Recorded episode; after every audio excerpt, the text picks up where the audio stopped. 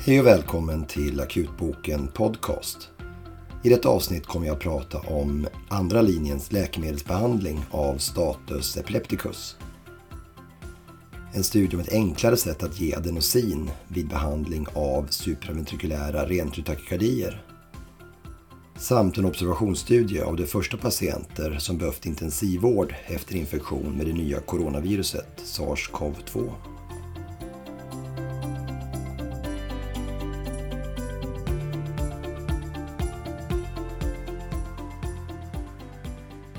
Status epilepticus är ett allvarligt tillstånd som obehandlat innebär en betydande risk för både bestående skador och dödsfall om det inte bryts.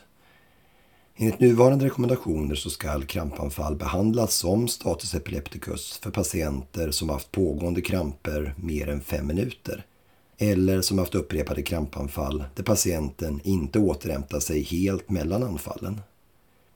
Första linjens behandling av status epilepticus är att ge en bensodiazepin i adekvat dos så snart som möjligt. Men tillgängliga studier talar för att minst 30 procent av patienterna med status epilepticus inte svarar enbart på behandling med bensodiazepiner utan behöver ytterligare behandling med andra eller tredje linjens läkemedel. Det finns flera olika läkemedel som kan användas i andra linjens behandling men vi har hittills haft relativt lite evidens vilket läkemedel som är bäst. Vi har dock nu i slutet av 2019 fått resultaten från ESET-studien där man har jämfört fosfenytoin, det vill säga proepinetin, levatiracetam, det vill säga Keppra och natriumvalproat, det vill säga Ergenyl för behandling av status epilepticus som inte brutits efter initial behandling med bensodiazepiner. I ESET-studien inkluderas totalt 384 patienter, både vuxna och barn, med status epilepticus och de randomiserades till att behandlas med något av de tre läkemedlen. Förutom att de uppfyller kriterierna för status epilepticus krävdes också att de hade fortsatta kramper fem minuter efter senast givna dos bensodiazepin. De doser av studieläkemedlen som gavs var för fosfenytoin 20 mg per kilo upp till en maximal dos av 1500 mg fenytoinekvivalentenheter. För levetiracetam gavs eh, 60 mg per kilo upp till en maximal dos av 4,5 gram och för natriumvalprat 40 mg per kilo upp till maximalt 3 gram. Samtliga läkemedel gavs som en långsam injektion under 10 minuter. Det primära utfallet i studien var att kramperna upphörde och att patienten återfick medvetande inom 60 minuter. Resultaten från studien visade att samtliga tre läkemedel gjorde att cirka 50 procent av patienterna slutade krampa och återfick medvetande på den givna behandlingen inom 60 minuter och det var inte någon statistiskt signifikant skillnad mellan de olika tre läkemedlen. Medeltiden från att läkemedlen började ges till att de patienter som svarade på behandlingen slutade krampa var cirka 10 minuter. Det vill säga majoriteten av patienterna som svarade på behandlingen gjorde det under de 10 minuter som läkemedlet gavs. I studieupplägget avvaktar man sedan ytterligare 10 minuter efter avslutad läkemedelstillförsel innan man eskalerade behandlingen till tredje linjens behandling för status epilepticus om det då bedömdes indicerat. Biverkningar av läkemedlen förekom med bland annat eh, svår hypotension av fosfenytoin och allvarlig arytmi av levotiracetam. Men allvarliga biverkningar inträffade för relativt få patienter och utan statistiskt signifikant skillnad mellan läkemedlen. Däremot var det en betydande andel av patienterna i alla grupper som behövde intubation men här är det svårt att veta om detta orsakades av läkemedlen eller av status epilepticus i sig. Min slutsats av studien är att både fosfenytoin, levatiracetam och natriumvalproat sannolikt ger likvärdig effekt för behandling av status epilepticus som inte svarat på initial behandling med bensodiazepiner. Vi bör således så fort vi har en patient som uppfyller kriterier för att misstänka status epilepticus med pågående kramper över 5 minuter direkt ge en bensodiazepin i adekvat dos och denna behandling kan sedan upprepas en gång till efter fem minuter om kramperna fortsätter. Parallellt med detta bör något av de tre läkemedlen som man tittat på i den aktuella studien för andra linjens behandling blandas i ordning och ges som en infusion eller injektion på 10 minuter. Om patienten inte slutar krampa och vaknar till inom cirka 20 minuter från påbörjad behandling med andra linjens läkemedel så bör tredje linjens läkemedel i form av generell anestesi med Propofol, Midazolam eller Tiopental övervägas utan fördröjning.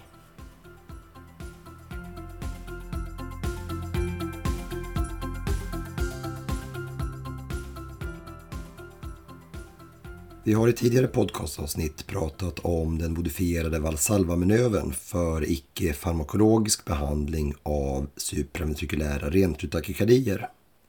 Även om denna behandling fungerar för en del patienter så behöver många patienter fortsatt farmakologisk behandling för att bryta takykardin och här är adenosin oftast förstahandsvalet. Adenosin har en mycket kort halveringstid, mindre än 10 sekunder, när det ges som en intravenös injektion och därför är det vanligt att läkemedlet ges outspätt följt av en snabb flush. För att åstadkomma detta används ofta en trevägskran för att kunna både ha en spruta med adenosin och en spruta med natriumklorid kopplad till patienten samtidigt så att adenosin och flush kan ges i snabb följd. Skälet till att ge adenosin på detta sätt är att det teoretiskt finns en fördel att ge adenosin outspätt i så liten volym som möjligt för att i hjärtat nå en högre koncentration av läkemedlet. Frågan är dock om det egentligen spelar någon praktisk roll och detta är ämnet för en studie i Academic Emergency Medicine nu 2019.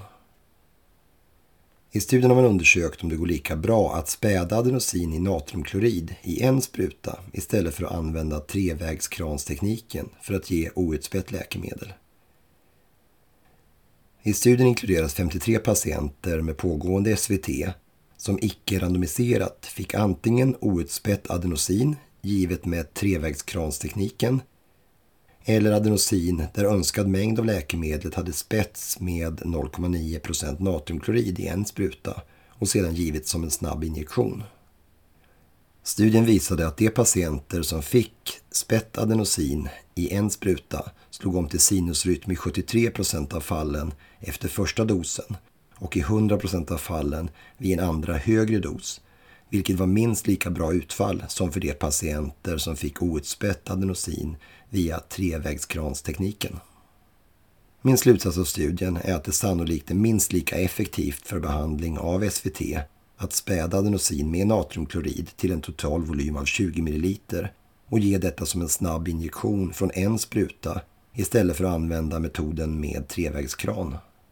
Båda teknikerna fungerar bra, men jag tycker det är betydligt enklare att använda en spruta och föredrar här denna metod. Oavsett vilken teknik du väljer för att ge adenosin, glöm inte bort att informera patienten om att han eller hon strax efter injektionen kommer känna av tryck över bröstet, andningsbesvär och känsla av att hjärtat gör ett uppehåll och att detta är förväntade symptom av läkemedlet men att det snabbt kommer gå över. Många patienter upplever det som mycket obehagligt att få dessa besvär, speciellt om de inte vet om att det är förväntade symptom av läkemedlet.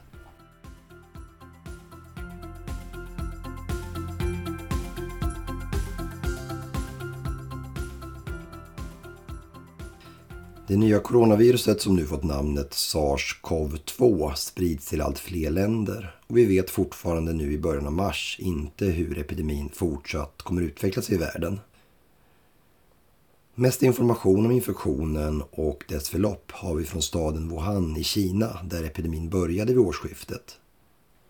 Förra veckan publicerades i Lancet Respiratory Medicine en deskriptiv studie av 52 patienter som behövt intensivvård för SARS-CoV-2-pneumoni vid ett sjukhus i Wuhan. Patienterna som ingick i studien hade testats positivt för viruset mellan 24 december 2019 och 26 januari 2020 och samtliga behövt intensivvård antingen på grund av behov av invasiv ventilation eller non-invasiv ventilationsstöd och då ett behov av FiO2 över 60. Medelåldern för patienterna som behövde intensivvård enligt de kriterier som användes i studien var 60 år och 67 procent av patienterna var män. 40 procent av patienterna hade en eller flera underliggande kroniska sjukdomar. Patienterna som behövde intensivvård hade utbredda bilaterala lunginfiltrat och majoriteten uppfyllde under vårdtiden kriterier för ARDS. Även om lungmanifestationerna var dominerande så utvecklade många av patienterna akut njurskada, myokardskada och leverpåverkan. Drygt 10 procent av patienterna utvecklade också vårdrelaterade bakteriella infektioner under intensivvården. Mediantiden från symptomdebut av infektionen till behov av intensivvård var i studien 10 dagar. I studiegruppen hade 32 av patienterna avlidit inom 28 dagar från insjuknandet, vilket motsvarar 62 procent av studiepopulationen. Dödsfall fanns i åldersgrupperna från 40 år och uppåt, men risken för dödsfall ökade betydligt för äldre patienter.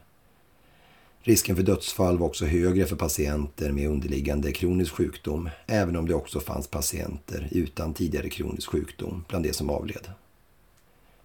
Min slutsats av studien är att risken för dödsfall av SARS-CoV-2 är relativt hög för patienter som utvecklar ARDS och behöver intensivvård. Risken för dödsfall för denna grupp av patienter är sannolikt över 50 procent, vilket är i nivå med risken för dödsfall för patienter som utvecklar svår ARDS av andra orsaker. Risken för dödsfall av SARS-CoV-2-pneumoni ökar betydligt för äldre patienter och de med kroniska sjukdomar men det fanns även patienter under 50 år utan kronisk sjukdom bland de som avled i studien. Vid det aktuella sjukhuset i Wuhan diagnostiserades 710 patienter med SARS-CoV-2-infektion under studietiden och av dessa var det således 52 patienter, det vill säga 7 procent, som behövde intensivvård och uppfyllde studiekriterierna.